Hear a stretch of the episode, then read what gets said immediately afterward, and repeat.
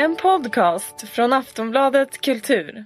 Ja, välkommen till eh, vår tredje podcast. Och vi, det är eh, för det första Jan Guillou, och mig, jag heter Anne Holt.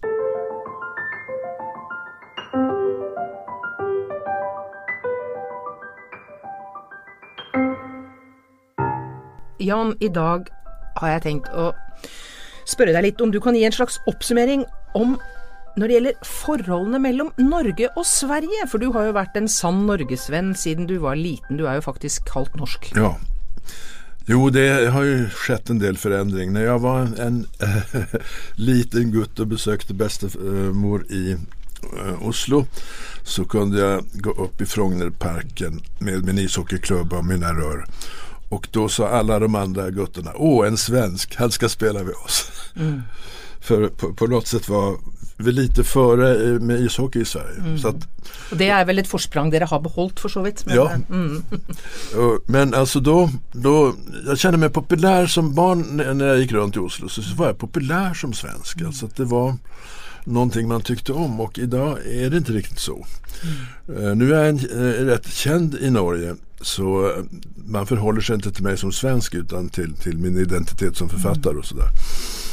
Men eh, skillnaden mellan oss som jag fattar det är att i Sverige har vi överhuvudtaget inget fientligt förhållande eh, till norrmän. Vi grubblar inte över norrmän. Normen är väldigt bra på skidor. Förargligt bra på skidor.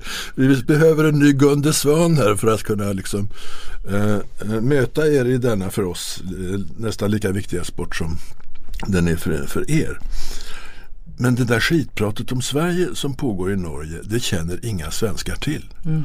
Och, och, svenskar i gemen skulle bli väldigt förvånade om, om de fick veta att det pågår en ständig diskussion i Norge om att i Sverige får man inte tala om det. I Sverige skjuter man allt sånt under mattan. Och, och ja, för det är, det är, det som fick mig till att resa spörsmålet för det. Eh, nu ska man ju vara försiktig med att generalisera. Men mitt intryck genom att följa med den allmänna norska debatten är att man har haft en utveckling genom de sista åren som går i riktning av att den eh, det er jo aldri én opinion, da, men den alminnelige oppfatning, eller en utbredt oppfatning i eh, det offentlige Norge, det er at svenskene ikke er villige til å diskutere innvandring, ikke er villige til å se problemene knyttet til innvandring, og ikke er villige til å gå løs på de problemene som finnes. Og for meg, som jo er veldig mye i Sverige, og som i tillegg følger ganske godt med i svenske medier, eh, så virker dette smått absurd, for det er vel få land i verden hvor dette diskuteres mer enn det gjør i Sverige? Ja, nej, det visst, det, är en, eh, det tar till och med för stort utrymme tycker jag eh, i vår politiska debatt för att det är ju inte det enda viktiga ämnet i världen. Mm. Men eh, det är invandring fram och tillbaks, upp och ner. Alla politiska partier kommer ständigt med nya förslag om invandring si ska regleras så. Det ska bli tuffare, in, det är ett ord som jag hatar, tuffare mm. på norsk. Mm. Eh, tuffare eh, regler för, för uppehållstillstånd och allt sånt. Det är en ständigt pågående diskussion och eh, så sent som förra året, du, vi var ju bara tillsammans då någonstans eh, på, borta på västlandet. Ja, vi var i Odda på litteraturfestivalen där. Ja. ja. Så sitter jag eh, i debatt på en scen med en person som på allvar säger att jag inte skulle delta i någon, alltså jag är ju yrkesmässig sam, samhällsdebattör, jag är kolumnist i vår största tidning. Och eh, skulle jag aldrig ha talat om invandring. Skulle mina kollegor aldrig tala om invandring och det visste hon. Så att man känner sig nästan som en idiot då, mm. när man sitter där. Men jag tror nog att mycket, av kritiken går på att eh, jo, man snackar kanske om invandring, men man snackar inte om de problemen som knyttes till invandring. Eh, och det känner jag mig ju heller inte igen i, för att eh, man har ju, bland annat så har man ju Sverigedemokraterna i, i, i, i Sverige, som ju är inne med en betydlig kontingent i riksdagen, och jag går ut för att det så till de grader blir diskuterat runt dessa problemen. Eh, vad har du att säga till det? Ja, alltså det, det är någon någonting i den norska föreställningen, precis som du säger, som går ut på att jo, vi talar om invandring men vi vågar inte tala om invandrarnas brottslighet minsann. Mm. De där gruppvåldtäkterna som pågår varje dag i, i Sverige, det vågar man inte prata om. Det vill säga, det pågår inga gruppvåldtäkter i Sverige varje dag och det kan, det kan vara den rimligaste förklaringen till att det inte är en stor fråga i vår debatt.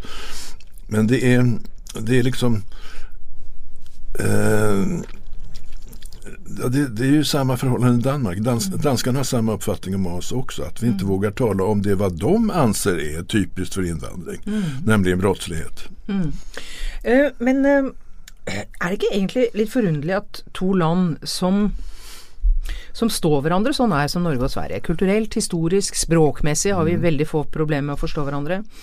At det kan vokse fram en, denne typen sånn misforståelser om hverandre. Följer vi för lite med i vad varandra gör? Ja, det tror jag. Alltså du och jag är ju nog eh, lite ovanliga på det sättet att få norrmän vet så mycket om Sverige som du och få svenskar vet så mycket om Norge som jag. Mm. Därför att vi har eh, särskilda intressen eller vad en särskild personlig historia eller någonting sånt. Ja, för det går ju bägge vägar. Eh, det vill jag verkligen påstå. För att jag husker då, då Fremskrittspartiet, Eh, det Norske Fremskrittspartiet kom i regering, som nu är två år sedan, så Eh, så var jeg bl.a. i Sverige for å delta i et TV-program, og, eh, og da ble jeg jo møtt med holdninger som om det nærmest var nazister som var kommet på plass uh, i den norske regjering. Nå syns jo jeg det er veldig ille at Frp sitter i regjering. Jeg skulle gjerne ha sett dem ut av den regjeringen. Jeg skulle gjerne ha sett dem ut av Stortinget også. Men det er jo altså et parti som på ingen måte kan sidestilles med Sverigedemokraterna. Mens det jeg så, nettopp fordi jeg følger med i svenske medier, det var jo stendige påstander fra eh, relativt toneangivende uh, nei, svenske debattanter måter at dette var nærmest eh, en katastrofe for Norge. Uh, og det er klart at jeg liker ikke dette, men noen katastrofe eller et tegn på demokratiets sammenbrudd var det jo absolutt slett ikke. Nej, jag minns det där väl därför att jag hamnade i bråk med mina kollegor här på Aftonbladet. Mm. Det, var, ja, det var några Norge-experter där som mm. var helt övertygade om att Fremskrittspartiet är samma som Sverigedemokraterna. Mm. Och så är det inte. Alltså, um, jag fick ägna en hel del tid åt att försöka beskriva Fremskrittspartiets historia, dess ursprung, det var populismen kommer ifrån. Uh, hur, viktig, hur mycket viktigare oljepengarna var för Fremskrittspartiet än det där med invandring. Ja, och dessutom så är det en av de verkligt stora sakerna för, eh, för Fremskrittspartiet, rent bortsett från fra skatter og avgifter og det som de er grunnlagt for å, for å, for å få ned, eh, så er det samferdsel. De har f.eks. samferdselsministeren i Norge. Eh, og for å være helt ærlig, han har fått mye gjort. Og er det noe Norge trenger, så er det bedre veier. Ja, der, jo, det kan ja, vi virkelig holde med om. det er vi enige om.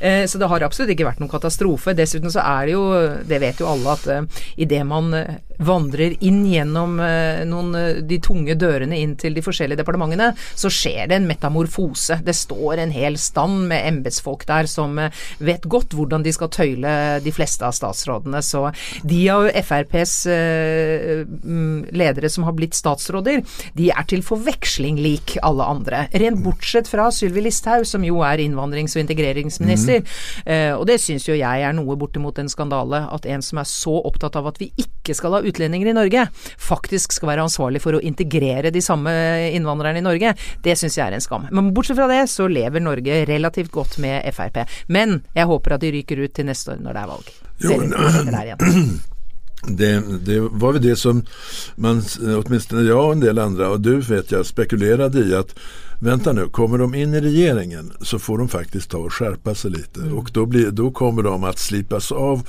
och bli ett ganska vanligt högerparti till skillnad från det där starkt, starkt profilerade främlingsfientliga draget som då, som då slipas av. Och sen får enskilda partimedlemmar då och då hoppa upp och säga något förfärligt om eh, om, om eh, muslimer framför allt. Mm, och det sker. Det är, det är det spillet de driver med. Och det är ju med en viss uh, ergrelse jag konstaterar att detta har varit ett spill som de har varit svärt duktiga på. Att man ansvarliggör någon politiker och sätter dem i regering och de gör en helt grei jobb och så har man då andra som med jämna mellanrum helt uppenbart får lov till uh, och, och träcka de verkliga stygga invandringskorten för att hålla på den delen av, av stämmorna. Men det vill visa sig vid nästa stortingsvalg hvor, eh, hvor, smart dette var av dem. vi ska se vad nu skillnaderna är mellan de här partierna. Sverigedemokraterna har sitt ursprung i rasism. Det, var liksom, det är liksom huvudfrågan för dem har alltid varit. Eh, de, de var nazister, de var antisemiter naturligtvis eftersom de var nazister i början. Eh, där har de nu ändrat sig. De är det mest pro-israeliska partiet i svensk riksdag och de har då självklart vänt sig istället mot araber och muslimer. Eh, och då kan man ju förstå att de tycker att Israel gör en god insats på något sätt. Eh, kring den här ursprungliga rasismen så hänger de på alla möjliga andra frågor så där de har nu kommit på eh, en ganska klok idé att de ska vara mot EU. Mm. För det finns ju en liten sån opinion i Sverige, inte, inte lika stor som i Norge. Va? Men vi har en liten opinion i Sverige mot EU och då, är det bra, då blir det ju praktiskt om det finns ett parti som faktiskt företräder den för alla oss andra den tanken, ja. obsoleta mm. bortlinjerna, alltså en fråga som egentligen inte borde existera längre. De är jublar över Brexit och sånt där som vi andra tycker bara var en eh, förfärlig pins ja, mm.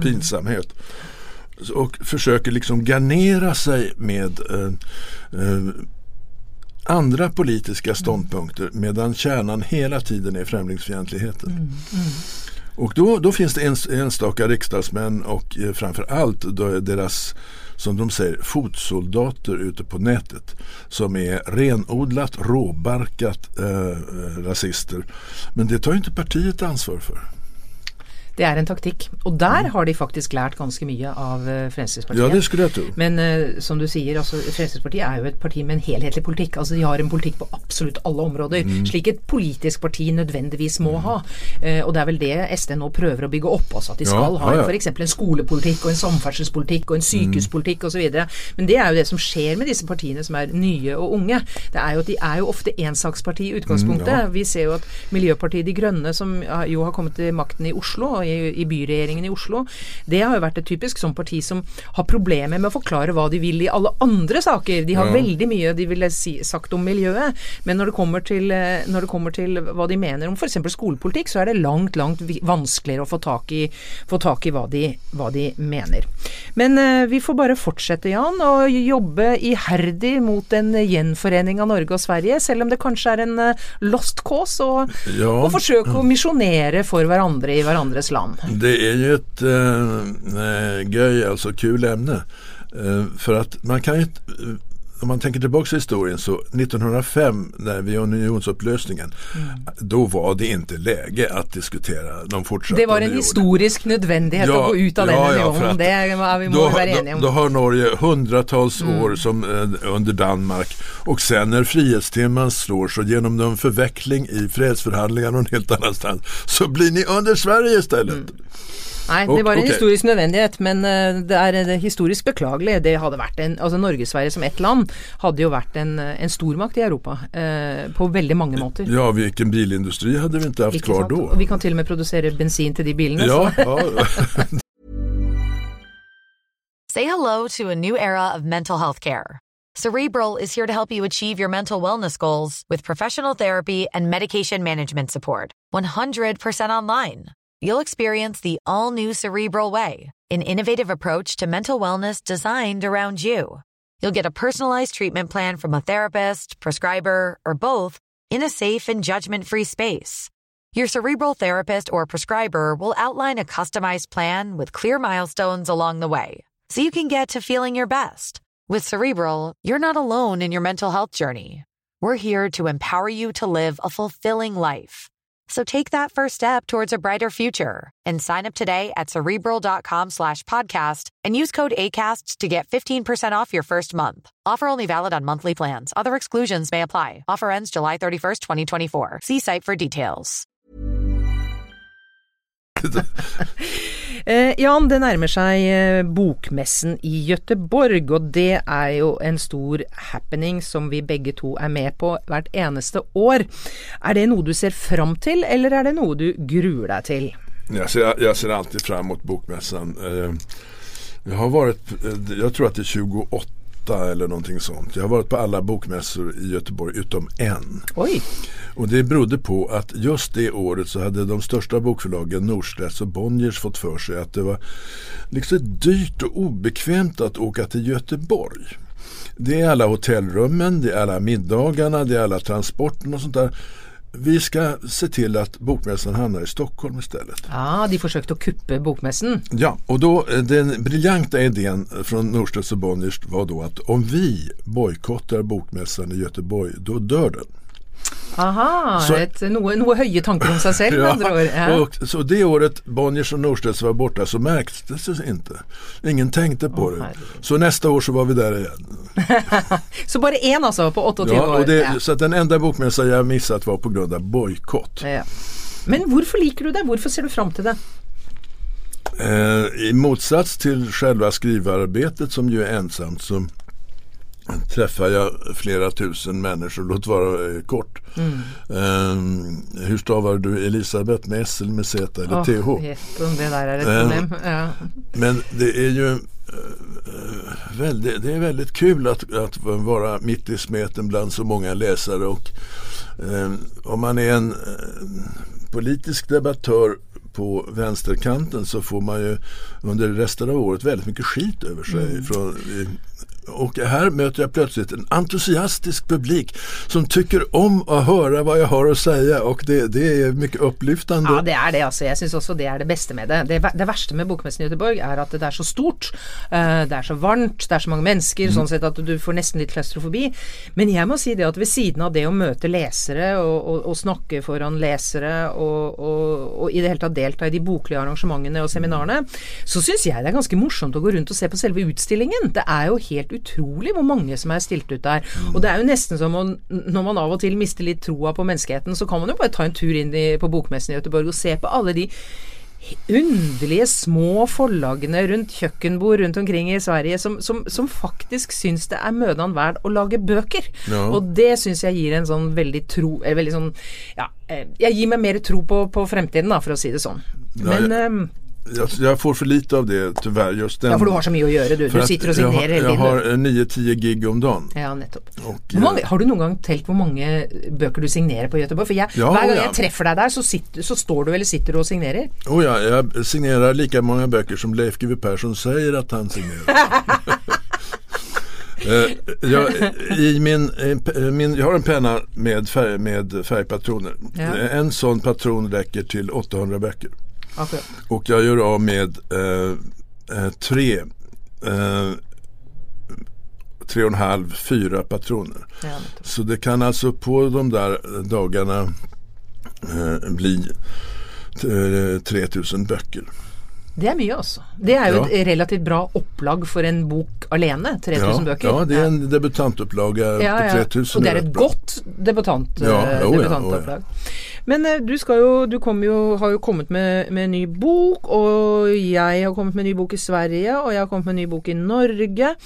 Eh, for meg ble det nå nummer 23 i rekken, og for deg begynner det å nærme seg 50? Er dette 47 Det är i rekken? 47 imorgon ja. Och himmel och hav. Det betyder att detta, denna processen har du varit igenom i mer än en mannsalder. Vad i all världen, jag spør mig själv hver eneste vår, jeg. Hva i all verden är det som får oss till att göra detta på nytt och på nytt och på nytt? Och kan du svara meg på det? Ja, alltså det är ju någon form av högmod eh, eh, som eh, får folk att skriva eh, litteratur. Eh, antingen är det föreställningen om den egna genialiteten och den konstnärliga storheten. Och i den änden började jag. När jag var väldigt ung så var jag litterärt geni. Som Nej. vi alle er. Ja, eh, som vi brukar vara då. Och skrev eh, obegripliga texter i fransk stil. Jag var, var väldigt bra på att imitera eh, Claude Simon och Luc Lysiop till exempel. Sen kommer 1968. Och då är jag 24 år, fortfarande eh, litterärt geni. Men det går inte att vara det 1968. Alltså ver- verkligheten tränger på. Det som ska stå i våra flygblad och sägas eh, på våra eh, Vietnamdemonstrationer ska vara, være enkelt. vara klart, tydligt, sant och viktigt. Ingen konstnärlighet där, ingen genialitet, ingen obegriplighet. Och alltså skulle jag, om jag skulle skriva så skulle det inte längre vara genialiskt utan det skulle vara viktigt, vilket är en helt annan sak. Och då dröjer det några år innan jag liksom eh, hittar en, en helt annan stil. Mm. En annan stämma rätt och slett? En, ja, mm. och då, då, är ju tanken det att som eh, politisk agitator eh, så kan man ju skriva kolumner exempelvis för att eh, lägga fram en ståndpunkt i en, viss fråga. Men ska man diskutera svårare ting Eh, Eh, så kan man inte göra det eh, lika bra eh, slagordsmässigt som man kan göra i en lång berättelse. Den viktigaste frågan i Sverige under de senaste decennierna har varit allt det som omfattat av kriget mot terrorismen. Mm. För det slår mot vår lagstiftning. Det skapar en diskriminerande verklighet. Det blir muslimerna som ska förföljas. Säkerhetspolisen ska jaga dem med angivare, telefonavlyssning, rumsavlyssning. Vi har förfärliga rättegångar med, med långa uppläsningar av vad unga män har suttit och sagt sent på natten i köket när de diskuterar hur tuffa de ska vara. Och eh, alltså det, det är en mardröm för oss alla om det vi satt och sa i hemlighet skulle spelas upp i en rättegång. Mm. Och sen kommer det experter från Säkerhetspolisen och tolkar det där och talar om när de eh, säger sig så menar de egentligen så. Alltså, detta är en förfärlig verklighet. Och eh, det kan jag diskutera till ögonen blöder i eh, kortfattade kolumner. Men skriver jag romaner på det här temat så kan jag tränga in, skildra det här mera ingående. Få, få en, en, en mera fantasifull i god mening bild av hur det känns att vara utsatt på det här sättet. Mm. Och, eh, så det är min eh, eh litterära linje efter 68 som eh, ju de, de flesta i eh, den finare litteraturvärlden skulle avfärda som någon form av journalistik för att det där är inte riktigt fint. Litteratur ska återigen nu vara eh, konstnärligt, eh, politiskt meningslöst eh, och eh, tjusigt. Men eh, eh, nu är jag en sån gammal hund i den här inställningen så att jag lär inte kunna sitta någonsin på något annat sätt. Nej.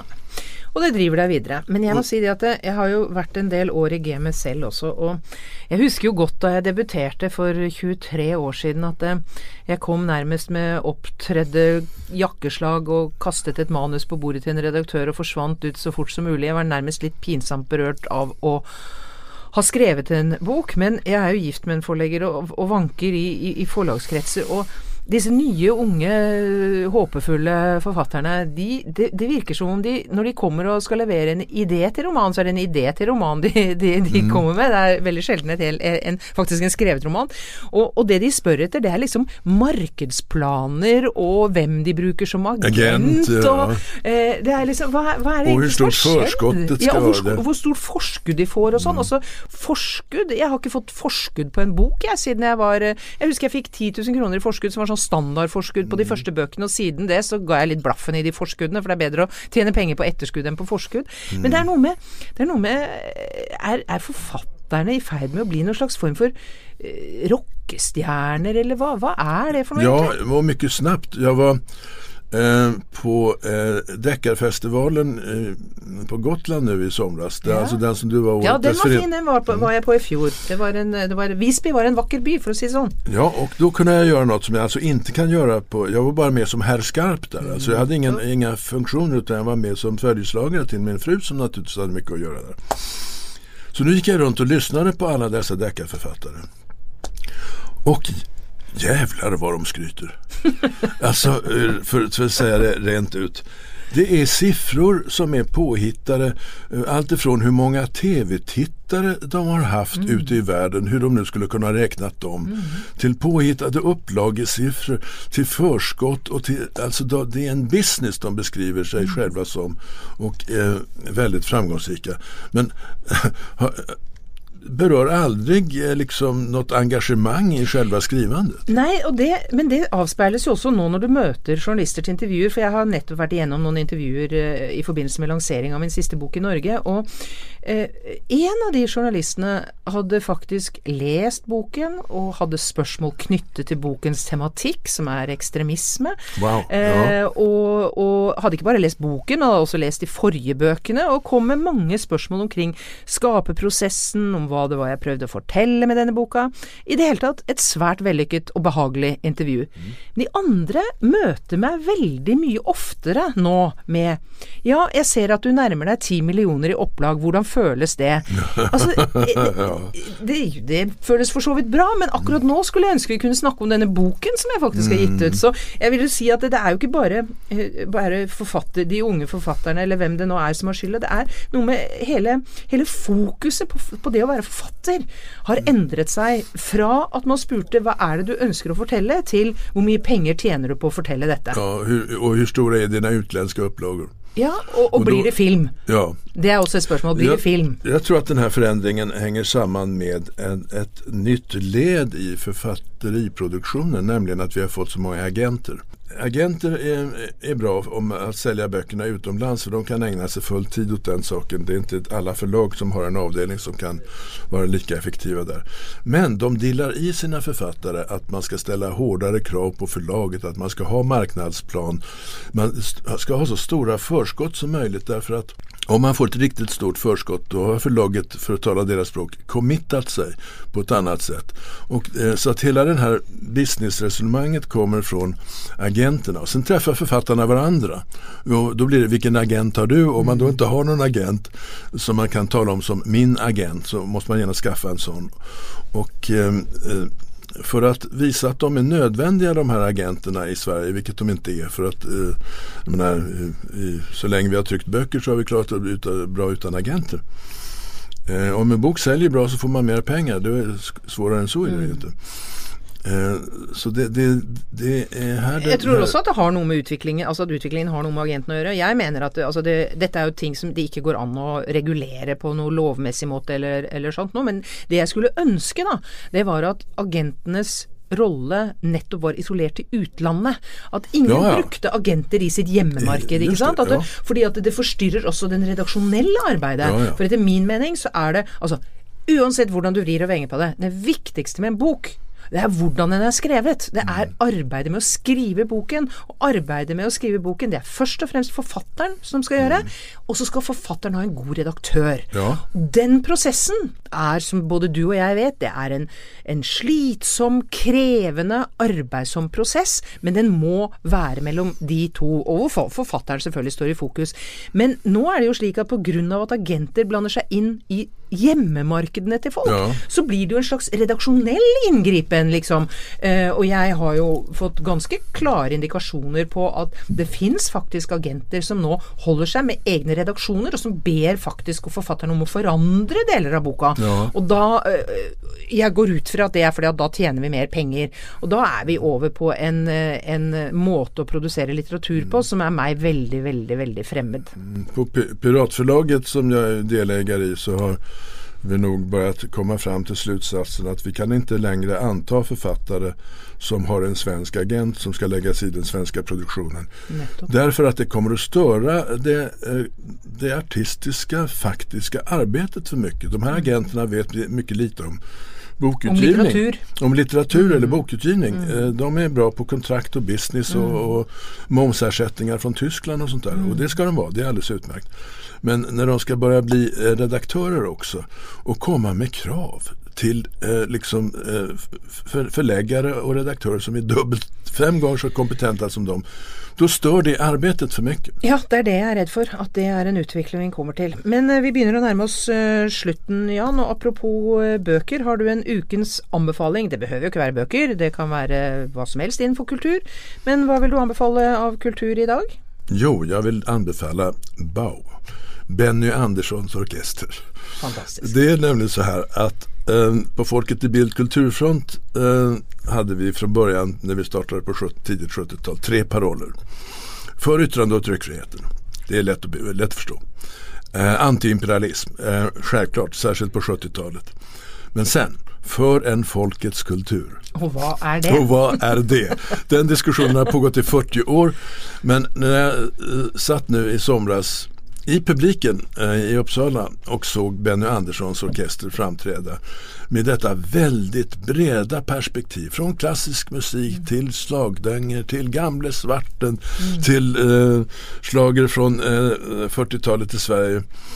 Eh, en väldig repertoar med massor med fantastiskt skickliga musiker. Då såg jag äntligen, detta är folkets kultur. Ja men det är strålande. Benny Anderssons orkester, de här eh, upplevelsen är störst om man är där live förstås. Eh, och, och, det kan man vara även i min ålder. Det är inte den typen av ljudvolym som på rockgalor. Men det finns ju, de här eh, säsongerna finns ju på skivan. Mm. Min anbefaling eh, Jeg går veldig langt tilbake i tid. Jeg går tilbake i en bok som er fra 2030, nei, unnskyld, fra 30-tallet, 1930-tallet. Det er 'Verden av i går' av en meget kjent forfatter ved navn Stefan Zweig. Østerriker, jøde. Skrev mange gode bøker. Mm. En sjakknovelle er en av de beste romanene jeg har lest. Det er en roman, selv om den heter en novelle. Eh, grunnen til at jeg anbefaler en så gammel bok nå, er jo nettopp at eh, den handler om behovet for eh, overnasjonalt samarbeid eh, for å ta vare på menneskeheten, ta vare på freden, mm. ta vare på, på, på, det som er betydningsfullt i menneskenes liv. Og i en periode hvor vi ser at nasjonalistbevegelsene vokser fram i hvert eneste land i Europa, og med den nylige brexit eh, friskt i hu, mm. så eh, vil jeg absolutt anbefale alle å lese 'Verden av i går' av Stefan Zweig, og se at de tankene han gjorde seg gjeldende eh, omkring eh, den forferdelige tiden han gjennomlevde etter at alt så så lyst ut før første mm. verdenskrig, mm. og til det mørket som senket seg over Europa gjennom to verdenskriger, det er, eh, det er absolutt noe som eh, både er skremmende, men også svært fornuftig å gjøre. Og den boken kan man lese på en helg hvis man har lyst til det. Han begick tyvärr självmord eh, 1941. Han gjorde det. I djup förtvivlan över eh, tillståndet i världen då 1941. Hade han bara väntat ett år. Ja, og med de litt dystre ordene så setter vi eh, punktum for eh, denne podkasten. Men vi er tilbake i neste uke.